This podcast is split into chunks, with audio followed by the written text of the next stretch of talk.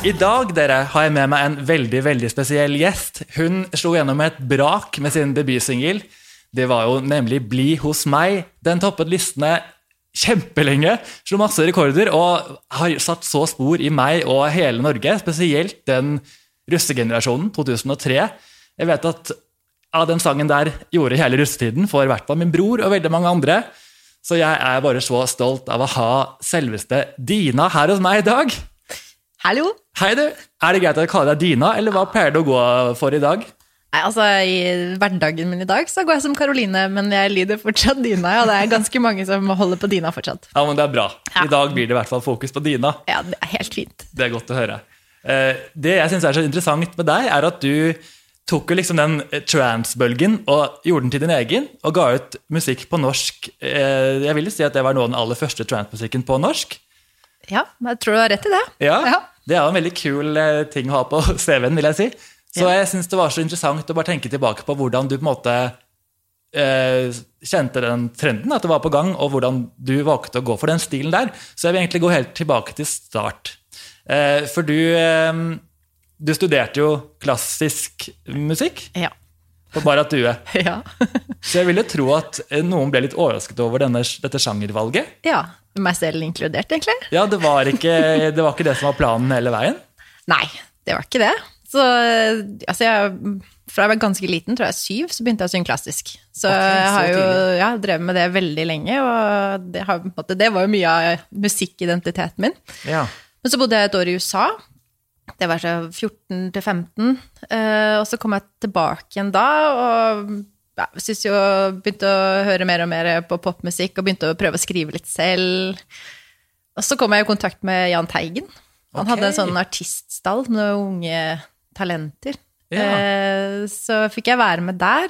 Så Hadde da- du sendt inn en demotape eller noe sånt, eller hvordan kom du i kontakt med det han? verste er at jeg husker ikke helt akkurat hvordan jeg kom i kontakt med han. Nei. Eh, men eh, det kan godt være det, eller om det hadde Jeg, jeg var jo også med i Frøken Norge en periode. De gjorde så mye på den Eh, ja, tiden der. altså, ja, men det var forresten senere, så det var jo egentlig ikke da. Men jeg, jeg, mulig jeg sendte inn et eller annet. Ja. Eh, det var en eller annen sånn talentskole som er mulig jeg begynte med at jeg meldte meg på det, eller et eller annet sånt. Okay. Ja, eh, og så fikk jeg være med han. Jeg ble plukket ut til å være med på rundt Han hadde en del konserter rundt på Aker Brygge.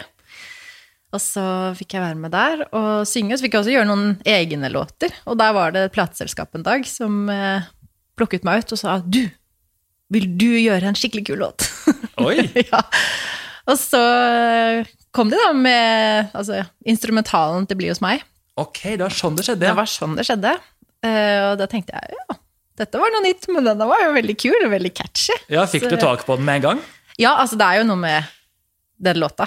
Den er veldig instant, vil jeg si. Eh, ja, Så det var bare denne her, den kan bli fin. Og så husker jeg faren min. Han bare Denne er så kul, denne låta! Så eh, da skrev jeg tekst Ja. til den. Og så var prosjekt Bli hos meg i gang. Wow, men Var det da en av de første sangene du hadde skrevet, eller hadde du skrevet mye før den tiden? Da hadde jeg skrevet en del sånne ikke, ikke noe trans, eh, men eh, jeg hadde skrevet, eh, skrevet en del ballader. Man begynner gjerne med ballader, gjør man ikke det? Man er sånn 14-15. Jo, jeg har også sånn. Kjærlighetsballader. Ja. Eh, og eh, litt opp tempoet, som eh, teamet til Teigen satte jo komp til. Ok, Så eh, ja, jeg har jo faktisk opptrådt med de. Og det var der du ble da oppdaget av Ja. Var dette her eh, Tribe? Er Det var? Tribe, ja. Mhm. Og Christopher Collins i spissen. Så eh, ja, jeg vet ikke hva de Jeg tror ikke det var de låtene de hørte nødvendigvis de kicket på, i og med at jeg har ikke gjort de siden, men eh, Det var vel noe med deg, da? At du hadde noe veldig spesielt å gi? En stjernefaktor? vi sier det sånn. Ja, Ja. det kan vi absolutt si. Eh, og så, da var du på en måte i gang. Du var inne på trans-bølgen. Hadde Bli hos meg. Eh, skrev du den sangen med, du skrev den med noen andre? Eller skrev du hele den hovedsakelig selv? Altså, melodien er jo skrevet av en svensk, eller to svensker, men jeg husker. Ja. Ikke husker helt hva de heter, men, uh, Men er det For jeg har sett altså det er Kurt Gåse og Navid The Incredible som er med på Ja, de er produsenter. Ja. Så de produserte denne versjonen, mens det er jo, den er jo skrevet eh, eh, av to svensker, da. Okay. Uh, og så har jeg skrevet den norske teksten. ja, skjønner. Så denne her er det litt forskjellig. Yeah. Og så er det faktisk, det fikk jeg vite litt i etterkant, men det er faktisk gitt ut en koreansk versjon også av den låta, som uh, ikke, ikke er så kjent i Norge, da, for å si sånn. Det Nei, den har ikke jeg fått med heller. Jeg har gjort mye research for det her. Ja, jeg mener det var koreansk. Ja, For den finnes jo på svensk og engelsk. Ja, det har, jeg har jo gitt den ut på svensk og engelsk også. Ja. Men det Eh, koreanske synger ikke du, da, med andre ord. Den synger ikke jeg. Det er en eh, gutt, eller en eh, gruppe med menn som okay. synger den. Så men det fikk jeg vite litt i ettertid, da. Wow, den skal jeg grave opp når Ja. vi er ferdig med det her. Jeg tror den begynner med sånn Donna nø. Det er så gøy. Ja, ja. Så lykke til med det. Jeg tror Wow. kanskje den finnes fortsatt, jeg vet ikke. Ja, det håper jeg. Jeg gleder meg i hvert fall veldig. ja. Men altså, da har vi jo gått inn i Bli hos meg her. Mm. Det var jo en sang som eh, tok hele Norge med storm, meg selv inkludert. Var det, Da dere lagde den, hadde dere på en måte håp om at den kunne bli det den ble? Det er jo vanskelig å forutse, vil jeg tro, men hva, hvordan føltes det underveis? liksom? Var det sånn dette blir en hit? Det må bli en hit? Altså, jeg var jo helt ny. Eh, altså, jeg syntes det var en kul låt, eh, så for meg var det jo vanskelig å vurdere. Og jeg, når jeg bare sa ja til å være med på dette her, så tenkte jeg at eh, ja, dette blir gøy. Det blir sånn, dette kan vi gjøre. Det blir, blir veldig kult. Og så hørte jeg låta når den var ferdig spilt inn, så tenkte jeg sånn, dette var skikkelig catchy, det var veldig spennende dette her, da, men jeg hadde jo ikke noe kjennskap til musikkbransjen i Norge, eller hvordan liksom Jeg hadde ikke tenkt noe på om dette kunne bli en førsteplass-hit. Men jeg, jeg husker jeg da satt bare kort tid etter den var gitt ut. Det som det, det begynte med, da, var jo at eh, det var vel NRK MP3 som eh, plukket opp låta og begynte å spille den. Og da husker jeg de fortalte at de hadde spilt den én gang på radio. Og så hadde det vært sånn massiv, eh, massivt med folk som hadde tatt kontakt og bedt meg om å spille låta på nytt. Så de hadde jo Oi, okay. listet den, jeg tror de hadde A-listet den relativt raskt. Og Tenk så- at folk eh, liksom fester seg ved den så fort. Det sier veldig mye Ja. om sangen. Og liksom ba om å få den spilt på nytt, så det var det det begynte med. Eh, og så husker jeg satt på skolen, da gikk jeg jo i andre klasse på videregående på det tidspunktet her. Ja. Og så ringte Collins, og så sa han at har du sånn steget voldsomt opp på VG-lista? Liksom, jeg husker ikke om det da først gikk inn på fjerde-femteplass eller noe sånt. Det var jo i hvert fall, han var jo i fyr og flamme. og Jeg tenkte sånn, ja, dette er jo fint. Han hadde jo ingen idé om hvor vanskelig det er å få en låt såpass høyt Nei, opp så på for deg var det bare en sånn morsom sidehobby? Så jeg sånn, ja, tenkte dette var så flott, da, det var kjempefint. Og så tenkte jeg ikke så mye over det der og da, annet enn at det var gøy. Men nå har jeg jo tenkt på i ettertid hvor fantastisk det var, og så gikk den jo opp til førsteplass og lå ganske lenge der. Det gjorde den, altså. Den lå- ble Eh, jo liggende på listen i 21 uker. Ja, så det, det var jo kjempe... Jeg har jo ikke fått det til siden, da, for å si det sånn. Så Du begynte på topp. jeg begynte på topp. Men du hadde jo mange andre som kom inn på listen også. De skal vi inn på etter hvert. Det er veldig hyggelig at du sier det. Ja. Det, det var en stund. Ja, jeg syns Ja, du holdt deg gående lenge. Ja. Etter altså Bli hos meg-suksessen, hvordan var det da å komme i gang med albumet? Hadde dere jobbet på mye musikk før dere slapp Bli hos meg, eller hadde dere bare den sangen og tenkte hvordan skal vi følge den opp, hva skal vi gjøre nå? Som det ligger litt i den storyen her, da, så begynte vi jo med den singelen, og så ble jo det kjempestort. Og så var det jo Da tenker man jo naturligvis at eh, kanskje vi skulle prøve et album. Ja, ja, ja. Og da, altså Kurt, da, som du er inne på, Navid, produsentene her, de har holdt jo på med den typen musikk i en del, og jeg tror de De satt klare.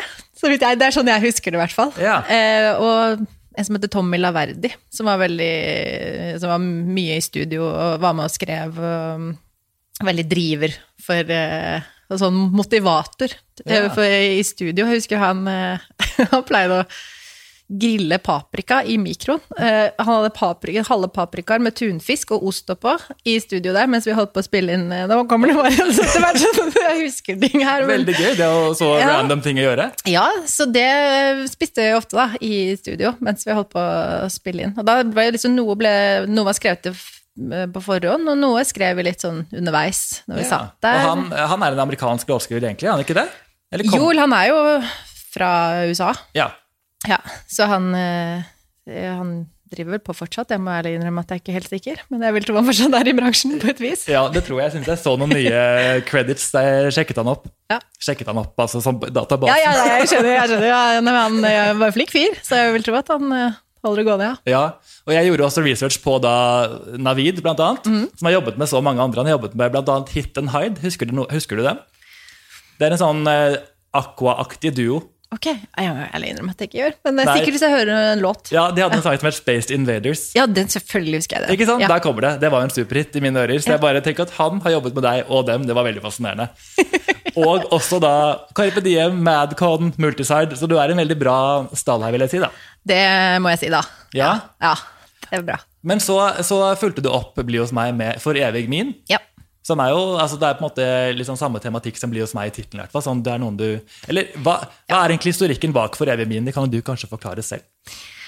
Nei, altså Jeg må jo være ærlig og si at i den perioden der, så når du setter deg ned som ung jente og skal skrive en tekst, så handler det jo om kjærlighet i en eller annen form. øh, Og det er veldig mange, da, nå flytter jeg meg fra for evig min, men altså veldig mange som har tenkt at Bli hos meg handler om en eller annen sånn kjærlighetssorg eh, Ja. som jeg hadde. Og lurt på hvem er denne mannen som må bli hos deg? Og så er jo ikke det tilfellet i det hele tatt, for den tanken bak den teksten der var jo at eh, altså, Den begynner med 'I en drøm hørte jeg din bønn', og jeg tror egentlig den teksten kom litt sånn med den der skrekken du har med noen du er forelsket i, at de liksom skal plutselig finne ut at de skal stikke av med noen andre, eller at de er forelsket i noen andre, eller en du er veldig forelsket i selv. Så er det jo egentlig det som er eh, tanken bak teksten der. Ja, ok, Så det er ikke en spesifikk person blir jo Nei, det handler om? nei, det er ikke det. Eh, og altså, for evig min, det er jo litt den samme kjærlighet. Det er, liksom, det er litt de samme tankene som ligger bak alle de låtene der, for det var jo mye av det som var i hodet mitt på den tiden der. Ja, ja, det er helt forståelig. Det Det er jo fint å se tilbake på. på måte, da ser man også hvor ung du var da du begynte med dette her. Ja. Det reflekteres veldig tydelig i låtene, og det er gøy å se. Ja, og den der forelskelsen, den der ekstreme sånn Man er veldig opptatt av den der altoppslukende følelsen. Mm, Og å finne godt. den personen som liksom vekker det i deg, da. Så, eh, litt sånn generelt kan man vel egentlig si det sånn. Ja, og det, Jeg liker så godt den teksten. Den der impulsivt. Så Ja. går jeg dit dine øyne viser vei. Ja. Det er veldig mektig stort språk, syns jeg. Ja, ja men det er jo, det er jo, man er jo aldri mer mektig enn på det tidspunktet der. Jeg har vel sikkert tonet meg ned med årene, vil jeg tro. Herregud, det, er- ja, det er veldig sant. Og du er gjennom hele albumet er det veldig sånn Du er veldig god på metaforer. Det er veldig mange ja, dramatiske metaforer som jeg syns setter stemningen veldig tydelig. Altså, Godt å høre at du forstår meg. Ja. Ja, ja, ja, absolutt. Fargerikt språk. Og så er jeg veldig glad i rim, da. Ja, ikke sant? Men jeg har jo, og det har jeg alltid sagt fra det tidspunktet der, at jo lettere det er å følge, jo lett, også hvis det rimer, jo mer fengende. Så det er jo en sånn, det er noe rytmisk i det, eller noe sånn melodiøst i det. For det er jo selvfølgelig, tekst er jo viktig eh, for eh, altså, budskapet du leverer, men altså teksten og ordene er jo også viktig for rytmen i låta. Altså hvordan du, altså, det er noe med at rim har en funksjon. Ja, Som, absolutt. eh, og det er ikke alltid, som jeg har alltid sagt, når jeg blir spurt om det er jo bare sånne nødrim hele veien. Ja, men det har sin funksjon, det òg, og det er noe catchy ved det, og det er noe sånn det er noe som fenger med det. Og så er det også det at du får den der irriterende teksten på hjernen som du bare aldri glemmer. Ja, ja, og de rimene er med på å gi deg det er akkurat den følelsen der. Så elsk eller hat, men det har sin funksjon. Det er så bra, bra sagt. For det gjør at man kan synge med før man selv kan sangen. liksom. Man kan jo bare henge seg på, så glir du på en måte inn i Ja, så treffer du på meg eller deg, ikke sant, så er du med. Absolutt. Ja. Og denne sangen kom jo også inn på en fjerdeplass. Og det var det vi nevnte si at du hadde flere hits enn Bli hos meg. Ja. Fjerdeplass er ikke så verst, det heller. Det er faktisk veldig imponerende. Så det kan du, må du minne deg selv på. Ja, takk skal du ha. Vært hyggelig. Eh, og så tenkte jeg, altså etter at disse her sangene kom Jeg er ikke helt sikker på sånn akkurat når det skjedde, men du startet jo en trend. Det kom jo flere artister som laget norsk trans etter deg. Ja. Blant annet eh, Tine var jeg eh, også fan av. Vakker, vakker jente. Ja. Kjenner du henne, eller Nei. møtte du henne noen gang? Jeg har sett henne sånn, og jeg har noen jeg kjenner som kjenner henne, men jeg har aldri møtt henne eller snakket med henne. Ja, for det hadde vært sånn eh, eksplosjon i hodet mitt å se dere to sammen. på en måte. Kanskje jeg må gjøre noe med det. Det hadde Ja, vært stort. Nei, det var jo litt sånn hun eh, ja, Hvis jeg ikke husker helt feil, så var det vel et eller annet som skjedde med at hun ikke sang selv. Eh, Ja, når hun, stemmer ja. det. Det var det mye greier om i avisen. Og nå har jeg jo funnet ut i senere tid at hun som faktisk synger på det tracket, hun tror jeg er mamma i barnehagen. Eh, Nei, seriøst? ja, så det var litt morsomt. Hvis jeg ikke tar med lite forbehold der, men jeg tror det er en veldig fin stemme. Da burde dere lage et sånn avslutningsnummer i barnehagen. Synge en liten duett, kanskje? Ja, men jeg fikk jo en del sånn eh, Som følge av det, da, så fikk jo jeg en del sånn eh, Møtte folk eh, etter konserter sånn bare Hvorfor gidder du å drive med det her, og du synger jo ikke selv engang. Så det var jo veldig mange som ikke hadde peiling på hvem som var Tine, og hvem som var Dina. Og, Ja. Så jeg fikk jo en del sånn litt sånn negativ tilbakemelding, jeg, da, av dette her. Men uh, Det er sikkert- noe med at det er ganske lik musikk, og dere har altså fire bokstaver i navnet. Det ble veldig mye likt. det ble veldig mye likt. Uh, men uh, hun ser jo ut som en million dollars, så sånn sett gjorde det ikke noe. Nei, Bra måte å se det på. Ja.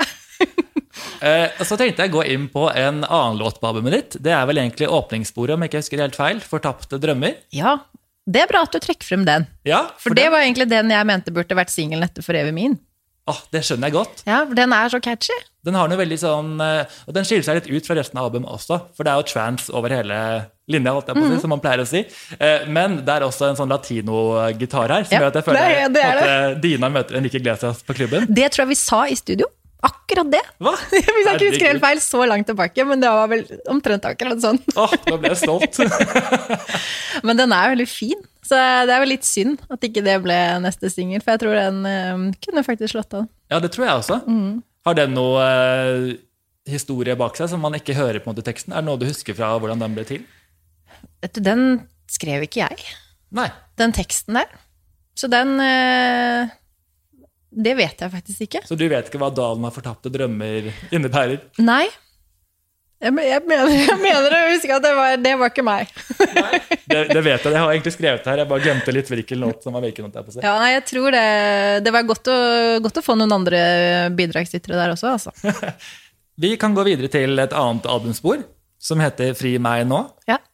Den er også eh, deg og Kurt som har vært med å skrive. ja. Hva er det som skjer i denne sangen? Du synger 'Skulle aldri bli min venn', 'Du kan ikke gå fra meg', 'Fri meg nå'.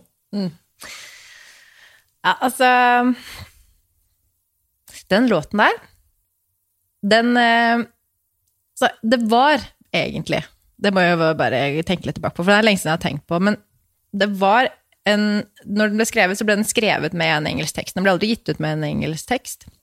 Men eh, jeg tror den teksten der egentlig er litt sånn inspirert av den engelske teksten. Oh, ja. som var veldig sånn var, Den ble veldig sånn stilig på engelsk.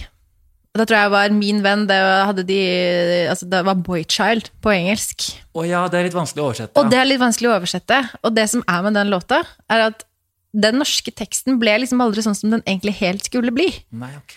Og det er litt sånn, det har jeg tenkt på i ettertid, og den ble nok litt sånn, den burde vi nok tenkt litt sånn Det var så kul, den originalen på engelsk som Det er jo altså låtskriveren her, eh, det var vel to, eh, som hadde bare satt på en engelsk tekst, men Ja. ja.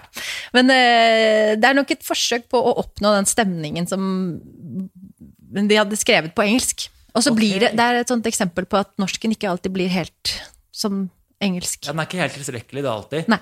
For det, er, eh, ja, for det gir jo mening, da. For de tre linjene var jo sånn Jeg skjønner litt av hva som skjer, men ikke helt eh, budskapet, på en måte. Nei. Det er jo sikkert derfor, da. Og jeg hørte faktisk på denne her uh, forrige uke. Du gjorde det, ja? og så tenkte jeg bare Altså, hva er det altså, Hva er det vi egentlig sier nå? Men litt sånn nytt blikk, da. Ja. Litt mer voksent blikk, vil jeg si. Så tenkte jeg at det, det tror jeg faktisk rett og slett var tilfellet der, at vi prøvde å oppnå noe som kanskje ble ikke helt, helt som det kunne vært. ja, men det er veldig interessant at du sier det skal jeg huske på når jeg hører det neste gang. Jeg ser om jeg klarer å oversette den tilbake. ja. ja. Det er nytt, en gøy utfordring. ja. Men eh, det er jo morsomt, eh, morsomt å tenke på at du ikke hørte på din egen sang. Hvor ofte hører du på disse sangene her sånn nå om dagen? Nei, det er, ikke, det er ikke veldig ofte. Bli hos meg hører jeg jo ganske ofte. Fordi, både fordi den spilles litt, og fordi eh, jeg er jo innimellom gjør noen konserter. Ja, Eller ganske ofte, ganske ofte da, men sånn innimellom. Fra tid til annen. Men eh, ellers så hører jeg ikke veldig mye på låtene. Det er lenge siden jeg har eh, Det skal jeg faktisk være helt ærlig på, når jeg nå hørte gjennom hele albumet uh, forrige gang, som da var i forrige uke. ja. så ble jeg litt sånn fascinert, for da hørte jeg på det med litt nye ører, og det er veldig lenge siden jeg har hørt på. Hørt på. Og det er noen låter som jeg husker at jeg hørte mindre på enn andre. Ja. Og de trakk jeg frem nå spesielt. Da tenkte jeg bare, Høres de like ut for meg nå som de gjorde da? Og da fikk jeg en sånn aha-opplevelse på et par av låtene. Hadde noen blitt bedre med tiden, Ja. syns du? Og det var litt sånn, når jeg, var, sånn når jeg satt og hørte på det, så var det sånn Jøss, dette her hadde vært kult i en intro på et show nå, for denne her er jo veldig sånn stor, og så bare er det jo egentlig litt sånn For før så Jeg tror jeg, jeg, tror at når jeg var mye rundt og altså reiste og spilte de låtene her, så ble alt veldig mye lyd til slutt, for at du er jo sånn stor, ofte var det sånne store haller, og du slo dobbelt opp. Ja. Eh, og så, så blir du jo litt sånn lei når du gjør mange konserter over en lang periode. Så da blir man jo litt sånn Behov for å høre på noe helt annet. Så jeg hørte jo veldig mye på country eh, ved Ja, siden av. det, Ja. Eh, men eh, nå må jeg jo si at det er litt sånn Jeg ser jo at noen av Hvis du liksom, I riktig, riktige settinger og i liksom ja, jeg, jeg, må- jeg må si at eh, noen av de er eh, bedre enn jeg egentlig husket. Men hvilke er det du tenker på da? Nå var det særlig? 'Hater å elske deg', Ja. som er eh, Som hadde, fikk en sånn aha-opplevelse på. Så gøy! Ja, Da skal jeg også gi den enda mer tid. ja det må, du får gjøre det. Bare se for deg en sånn stor konserthall. Litt sånn Jeg var jo på Fornebu, eller Telenor Arena. Og Spilte, der spilte for 17 000. Jeg så for meg at liksom en sånn intro litt der, med den der stemningen som var der, med alle lightsticksene som plutselig var tilbake. Eller ja, Der hadde det gjort seg med en sånn intro, for der er det så stort. Og da får jo alle de der enorme lydene som du ikke får frem når du spiller av noe fra PC-en. Ja, det kan jeg tenke meg. Eh, Får litt en annen For de de er jo laget for sånn type fest. Ikke nødvendigvis fra PC-en. Nei, jeg skjønner. Men hvordan føltes det å være tilbake på scenen da, foran så mange folk? Ja, det var gøy. Ja, det var Det det. var så stort. Det var jo, jeg var jo så fan av så mange som var der, så det var jo kjempegøy. Var det sånn stor minglesession backstage, at alle artistene hang litt sammen og sånn? Ja, men jeg er ikke så god på det. Nei, ok. Jeg pleier å øh, ikke mingle så veldig, jeg.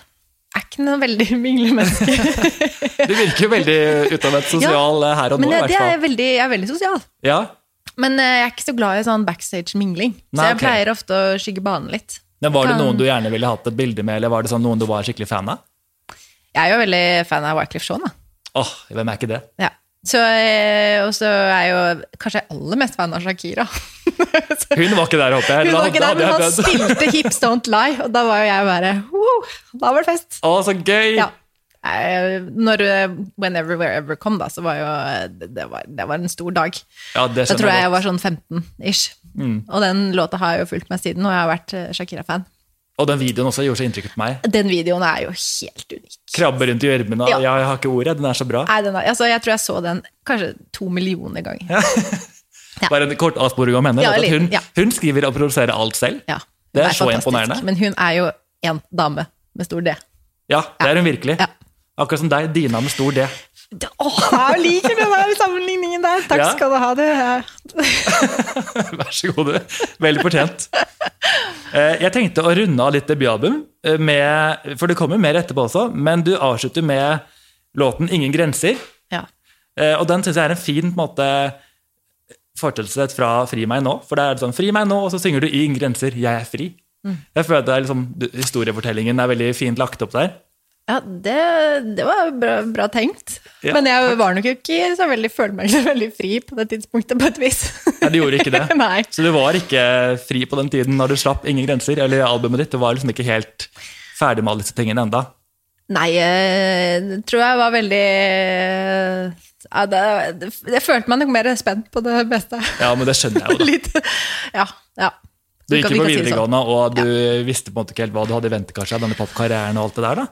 Ja, nei, det visste jeg jo absolutt ikke. Nei. Og det var kanskje på det tidspunktet der, så altså, Jeg husker ikke akkurat når vi holdt på med den albuminnspillingen, sånn etter uh, Bli hos meg, men det var vel eller ble sluppet, den ble vel sluppet i mars 2003, hvis ikke husker helt feil, så det var vel utover kanskje på høsten.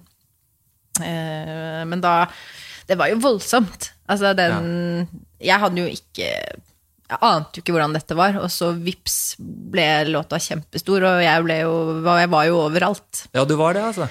Og jeg var jo, som du sier, var jo på skolen på det tidspunktet, og prøvde jo å følge skolen på vanlig måte. Og jeg har jo, ja, vil jeg si, relativt konservative foreldre som hadde Altså en plan. så jeg Som ikke jo innebar transmusikk. Nei, jeg hadde jo bestemt meg for lenge siden ja, at jeg skulle studere jus. Ja. Så jeg skulle liksom prøve å følge det løpet for å komme meg inn på jusstudiet samtidig som jeg skulle være artist. Så det var jo litt sånn tøft. Jeg husker jeg sov særlig. Jeg hadde jo bodd i USA, så jeg brukte særlig engelsktimene til å sove. Ja, men lurt, for Ja. det var du ferdig med, på en måte. Ja, så det følte jeg hadde lest mye av det som var på pensum, og jeg følte jeg pratet jo relativt flytende. Lur prioritering, syns jeg. og jeg tror han eh, veldig, veldig kul engelsklærer, han, eh, han, syntes det var greit. Men det er interessant eh, altså, at du studerte juss. eh, Gjorde du det parallelt da du fortsatte med musikken? Ja. Jeg begynte jo da eh, Jeg var ferdig i 2004, våren 2004 på videregående, og så begynte jeg rett på jusstudiet. Ja. Det Da var det jo også ganske mye eh, på den tiden der. Vi slapp vel Viss eh, rundt det tidspunktet. og Perfekt at du tar opp den, for den tenkte jeg å snakke om ja, straks. da reiste jeg jo veldig Det var jo litt sånn, jeg husker Jeg fikk jo ikke tid til å være så veldig mye på skolen den på jussen, da, på første, i hvert fall første halvåret, første året. Så ja, jeg får si sånn, jeg var til og fra i taxi, eh, intervjuer ute og turnerte i helgene. Det ble jo ganske sånn slitsom eh, Men så er jo jusstudiet sånn da, at det er én eksamen i året, så det var jo bare å skyve det problemet frem Ja. hele tiden. Var sånn, skjøv, skjøv, skjøv, og fikk jo ikke egentlig lest veldig mye. Men eh, eksamen kom jo. Og du kom deg gjennom det. Ja, til, til slutt. Det var jo egentlig utrolig til å begynne med. Eh, men, eh, men for å si det sånn, det har eh, både i innsatsen og, eh, og resultatene har steget med tiden. Det er da fullt forståelig når du slipper hits på si og skal bli advokat. Jeg tenker det er et ganske ambisiøst prosjekt. ja, det var det. Så på et eller annet tidspunkt der så måtte jeg jo velge. Ja, ikke sant? Så du gjorde det til slutt, og da Ja. valgte du bort musikken etter noen år? Ja. Sånn i hvert fall drive med såpass omfattende. Mm. Men eh, før vi går inn på liksom, hva du gjør nå etter musikken og sånt eh, Hvis det ble jo også en stor hit i Norge. Ja. Kom på femteplass, hvis ikke jeg tar helt feil. Det var jo en eh, coverlåt av en svensk artist. ja. Var det, altså Han heter Niklas Strømstedt. Ja. Er det en sang du var veldig glad i? eller hvordan? Ja, det Var det, var det du som eh, kjempet for å gi ut denne coverversjonen? Jeg husker ikke at jeg kjempet for det, men jeg tror jo eh, han som jeg jobbet mest med på Universal, og jeg, tror jeg var veldig stor fan av begge to, Ja. av den låta. Så bare å, kan vi kanskje få lov å skrive den på norsk og produsere om den og gjøre den, for den er så fin. Det Mm. refrenget er så utrolig fint. Så fikk vi til det. Det gjorde absolutt. eh, Ja, og så skrev jeg om teksten, og så Da var det en ny produsent, da, Jarl Ånestad, som Ja. produserte den.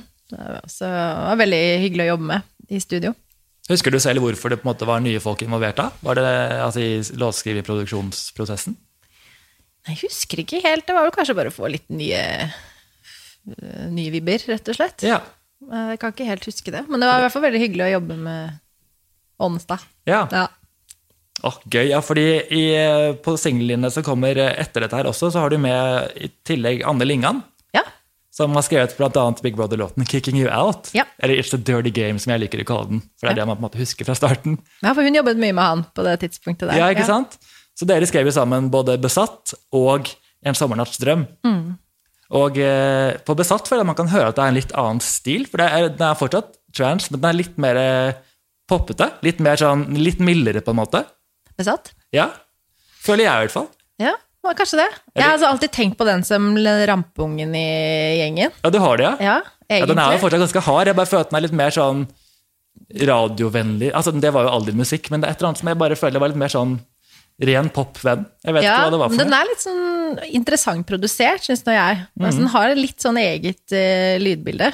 Mm. Så jeg tror de som likte det var sånn de som likte den, var sånn veldig fan og syntes den var veldig veldig kul. Jeg husker blant annet en radiostasjon som jobbet der, som var liksom bare 'Den låta, den, er, den spiller jeg hele tiden hvis jeg kan'. For det er jo et eller annet som fenger hvis du liker det, men det er ganske sånn heftig Altså, det er noe tromme... jeg husker ikke hva den trommen heter. Men det, er i hvert fall, det går ganske sånn Det er litt sånn kraftig. Ja, den er det, altså. Ja, Og så er den jo eh, Den er litt sånn småpsycho. Ja, Man blir jo besatt av sangen. og Ja. Husker du hva den handler den om noe spesifikt? En hendelse eller en person? eller? Nei, men jeg tror den er, litt, den er skrevet litt sånn når musikk i karrieren Altså når jeg liksom hadde begynt å få litt sånn Ja, det er jo ganske intensivt å leve som en person som alle kjenner igjen. Det var jo sånn, Uansett hvor jeg gikk, så var det noen som sang som blir hos meg', bak meg, eller foran meg, eller Ja. ved siden av meg, eller rundt meg, eller et eller annet sånt. Og kunne ikke gå i butikken og kjøpe en Grandiosa uten at det sto på et forum etterpå. Oi, såpass, Eller, ja. det var liksom sånn eh, Folk i Ja, det, det var jo veldig sånn intensivt den perioden der, når alle kjenner deg igjen. For det var jo sånn, en periode. Eh, absolutt ikke sånn nå, men det var sånn da, og det var jo litt sånn overveldende, og jeg kjente jo at eh, det ble jo litt sånn slitsomt til tider, så jeg tror det der var en sånn Det var skrevet litt i den sinnsstemningen som jeg var da. Ja, det forstår jeg at det blir en veldig overgang å bare få all den oppmerksomheten så brått. Ja. Den er jo Ja, det er litt eh, Du er ikke forberedt på det. Når du er eh, Jeg tenker jo i dag at eh, nå er jeg jo blitt 35, og jeg tenker jo at du, du bør jo egentlig være sånn 30 når du begynner som artist. Ja. Da tror jeg du er sånn passe rustet å stå imot eh, alt det du møter på. Da har man jo på en måte blitt den personen man skal være. Det er mange som sier at da er du mer sånn, det er den du kommer til å være litt mer resten av livet ditt. da. Ja, litt mer sånn trygg. Altså, du, men altså, det vil sikkert være utfordrende uansett. Man er jo, hvis det er jo alltid noen som vil prøve å vippe deg av pinnen, så klarer de nok det. Men Ja. eh, det er veldig tøft. Altså, du, jeg husker bare den derre voldsomme Det er jo en tendens til å gå på utseende. Og det Ja. var jo en sånn Og så er det et sånt enormt hat. Og Det er utrolig hvordan eh, musikken engasjerer. Man ser jo ikke det her når man ikke mottar det selv, men jeg ville tro at eh, jeg er i hvert fall ikke noe bedre i dag, men altså de unge som slipper låter eller bare er synlige i media, med alle kanaler som kommer altså Du får altså så mye eh, negativt. Man får veldig masse positivt også, og det er jo det som ofte syns sånn utad. Men eh, det er jo kjempetøft å stå i. Ja, og nå er jo alt tilgjengelig òg. Så Ja. som du sier, du kunne kanskje på en måte snike deg lettere unna det negative på din, da du slo gjennom. Jeg vet ikke, Eller følte du at du fikk veldig mye av det in your face? Jeg følte jo at jeg fikk mye av det, men det var jo, jeg fikk jo mailer. Jeg husker det kom sånne hatmailer. Eh, veldig mye av det. Og så var det jo Det var jo folk som kunne komme opp sånn til meg, særlig folk som hadde drukket. Ja. De blir jo veldig tøffe. Eh, så da kunne man jo være ute i, uten å være på noen konsert eller noe sånt, og bare få bli konfrontert med mennesker som var mindre hyggelige. Ja. Og så er det jo den der sånn som Altså, du vet jo aldri hva du møter på anmeldere. Der kan du si at anmeldere har én jobb å gjøre, og de har mange Det er mange de skal treffe. Men altså, det er utrolig Det er veldig mange saklige, hyggelige anmeldere, og så har du jo de som bare går rett puncher på alle de såre steder og bare går på person og nærmest bare snakker om utseende og liksom tar, er ute etter å ta, og det tror jeg veldig mange får oppleve at det er veldig lite hyggelig. Det skjønner jeg, og det tenkte jeg egentlig å nevne i sted. For du skjønner at jeg elsker musikken din og deg, men By Bli hos meg fikk jo anmeldelse, den fikk terningkast én. Ja. Albumet, i hvert fall. Ja. Albumet, ja. ja. ja. Enda større slag. Ja, det var vel eh, Var det Dagbladet?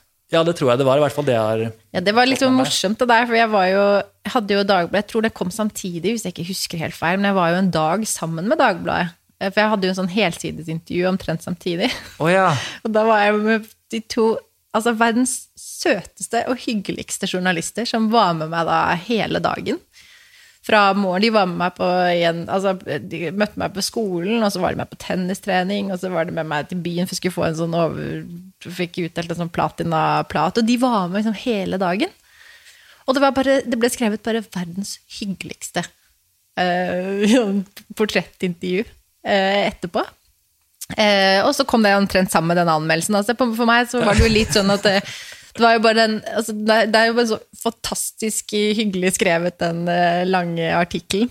ja. Og så har det jo da kommet den anmeldelsen, da. Den var jo sånn akkurat passe dårlig. Hva skjedde her nå? Jeg trodde vi ja, var var venner, sånn, liksom. Men det var jo en annen, da.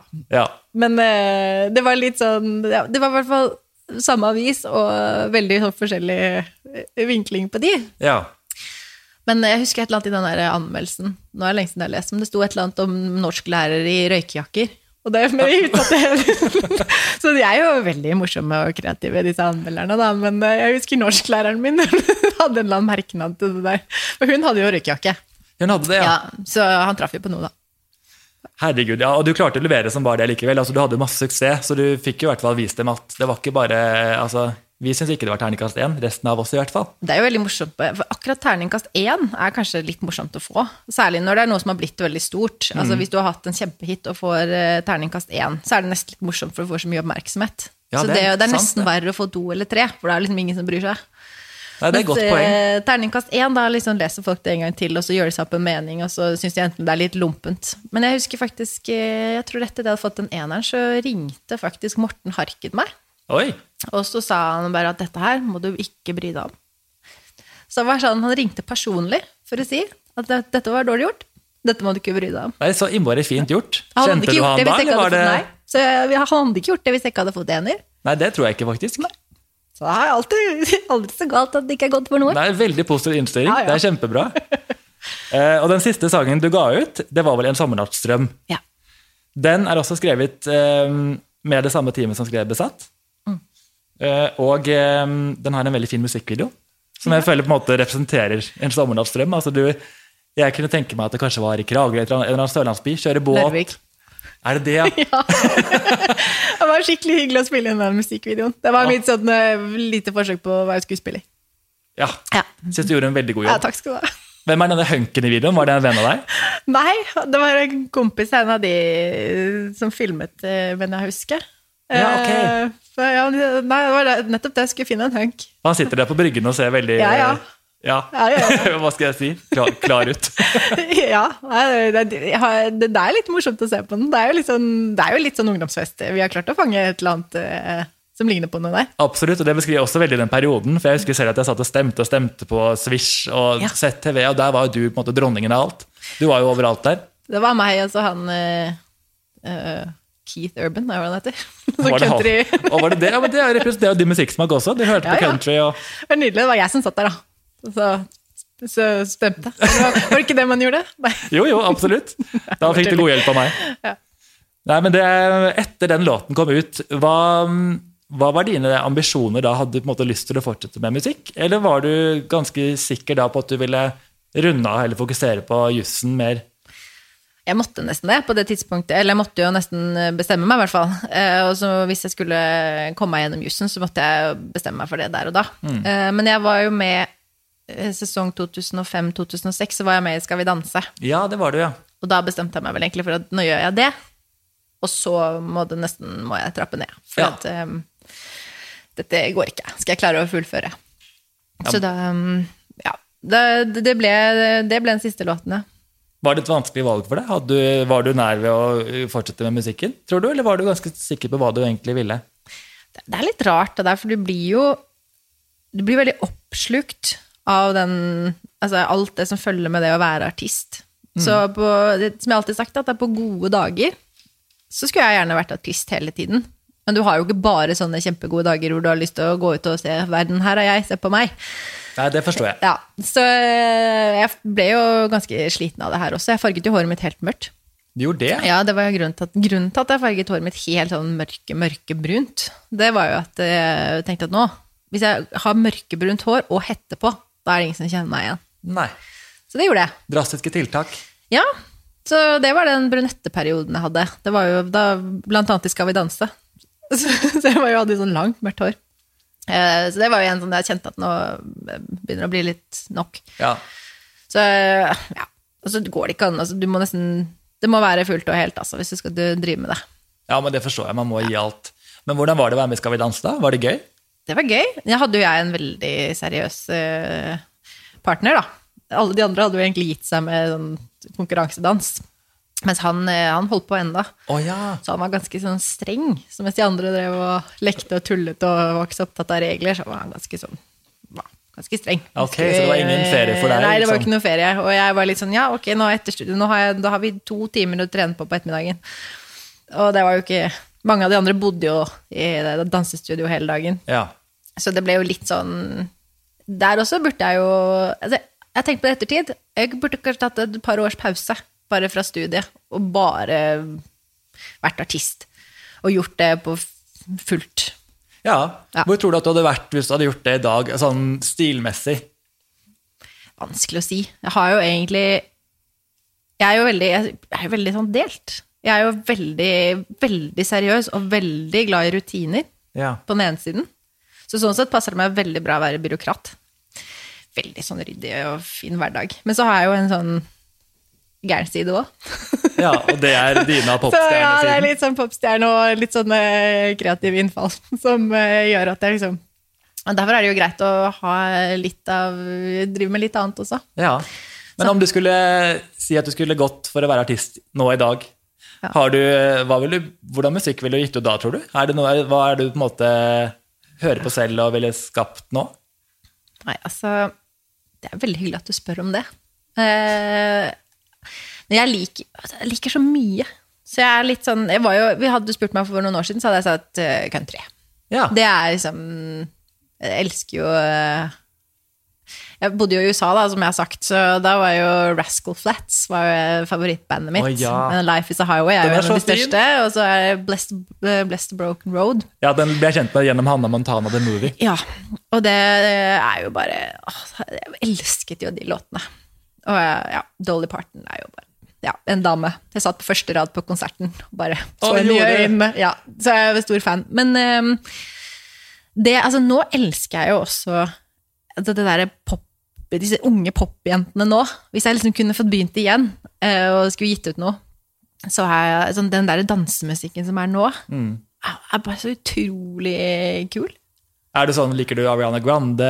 Er det de, den Ja, veien, altså, har du noen andre favoritter? Ja, absolutt. Men nå er det jo gjerne de norske Jeg er jo stor fan av Astrid S. Ah. Er jo kjempe Og Dagny og altså, det er jo Julie Bergan. Jeg synes det er så utrolig bra, de norske Nå har jeg sikkert glemt noe nå. Men altså, Sigrid, kanskje? Antar jeg at du liker òg? er jo helt rå. Altså, bare, hvor kommer disse unge jentene fra? Gir ut så sykt kule låter. Og bare nei, Jeg blir helt sånn fascinert. Og så virker de så modne og reflekterte og klare for verden. Så jeg håper de er det på ordentlig. Jeg er helt enig. Jeg kan si at jeg eh, intervjuet Sara Larsson for eh, nå sikkert fem-seks år siden. Det var jo jeg, Det var et av mine første intervjuer, og hun var jo da sikkert 14-15 år. Mm. Jeg var den som var usikker og nervøs, for hun virket som hun skjønte hele verden. Det er veldig fascinerende å vite når noen er så modne og så trygge på alt. Ja. Jeg snublet og var helt ute av meg selv, mens hun liksom hun hadde, skjønt alt, hun, hvordan Ja. livet skulle være. Jeg har også sett henne på intervju og bare tenkt jøye meg, hvordan er det mulig? Ja, Så det er veldig fascinerende. De er jo bare sånne komplette pakker. Ja, De kommer nå, så bare så talentfulle. Jeg blir kjempeimponert. Altså, jeg vet jo litt, ikke i nærheten av hun, de er jo mye større enn jeg var, men altså bare litt av det å stå i det. Mm. Og bare hva det innebærer, hvor slitsomt det er. Og jeg må si jeg blir kjempeimponert. Og jeg, vi må heie dem frem. Absolutt. Mm. Og sånn helt til slutt så tenkte jeg til inspirasjon for videre episoder Hvem var dine største favoritter på 90-2000-tallet? Hadde noen du var helt obsessed med? Eller besatt, burde jeg jo si. da. Annet enn Shakira, mener du? Herregud, vi har jo svar allerede. Ja, nei, du må, jeg må jo bare si Shakira. Jeg Ja. var jo ekstremt obsessed med Shakira. Jeg satt og så på musikkvideoer. Men jeg var jo også veldig Beyoncé-fan. da. Ja, ikke sant? At jeg bare, bare kunne sitte og se på de musikkvideoene, bare sånn drømme meg bort. Ja, men de, de var så veldig gjennomført på den tiden også, de videoene. Ja. Så store produksjoner og så mye som skjedde. Ja. Man kunne jo ikke se bort. Liker det litt sånn glamorøst og eh, så catchy. Elsker Jeg må jo si det. Jeg er jo, jeg, tekst er viktig i en låt. Ja. Eh, noen låter mer enn andre, men for meg, melodi, rytme, enda viktigere. Det er det første jeg hører. første jeg hører, er melodien. Ja, helt enig. Jeg kan gå inn på en låt hvis jeg liker melodien godt, så gå inn i teksten. Mm. Men teksten kan gå forbi meg innimellom, må jeg innrømme. Ja, samme her. Ja, Det er godt vi er flere i den båten. Ikke sant? Ja. Det er sikkert det som leverte med musikken din nå. At det er sånn kjempecatchy melodier, og så etter hvert så går man inn i de fine metaforene dine og blir kjent med deg. Vet du, Det syns jeg er veldig hyggelig at du har gjort. Ja, Ja. Tusen takk. det er godt å høre. Men eh, da er egentlig, nå har jeg blitt kjent med deg via musikken din, og jeg må bare si nok en gang tusen takk for at du var med på Popstalgi. Det var utrolig hyggelig at du ville være her. Tusen takk for at jeg fikk være med. Kjempehyggelig. Å, så bra. Det er en ære. Dette er Popstalgi med Erik.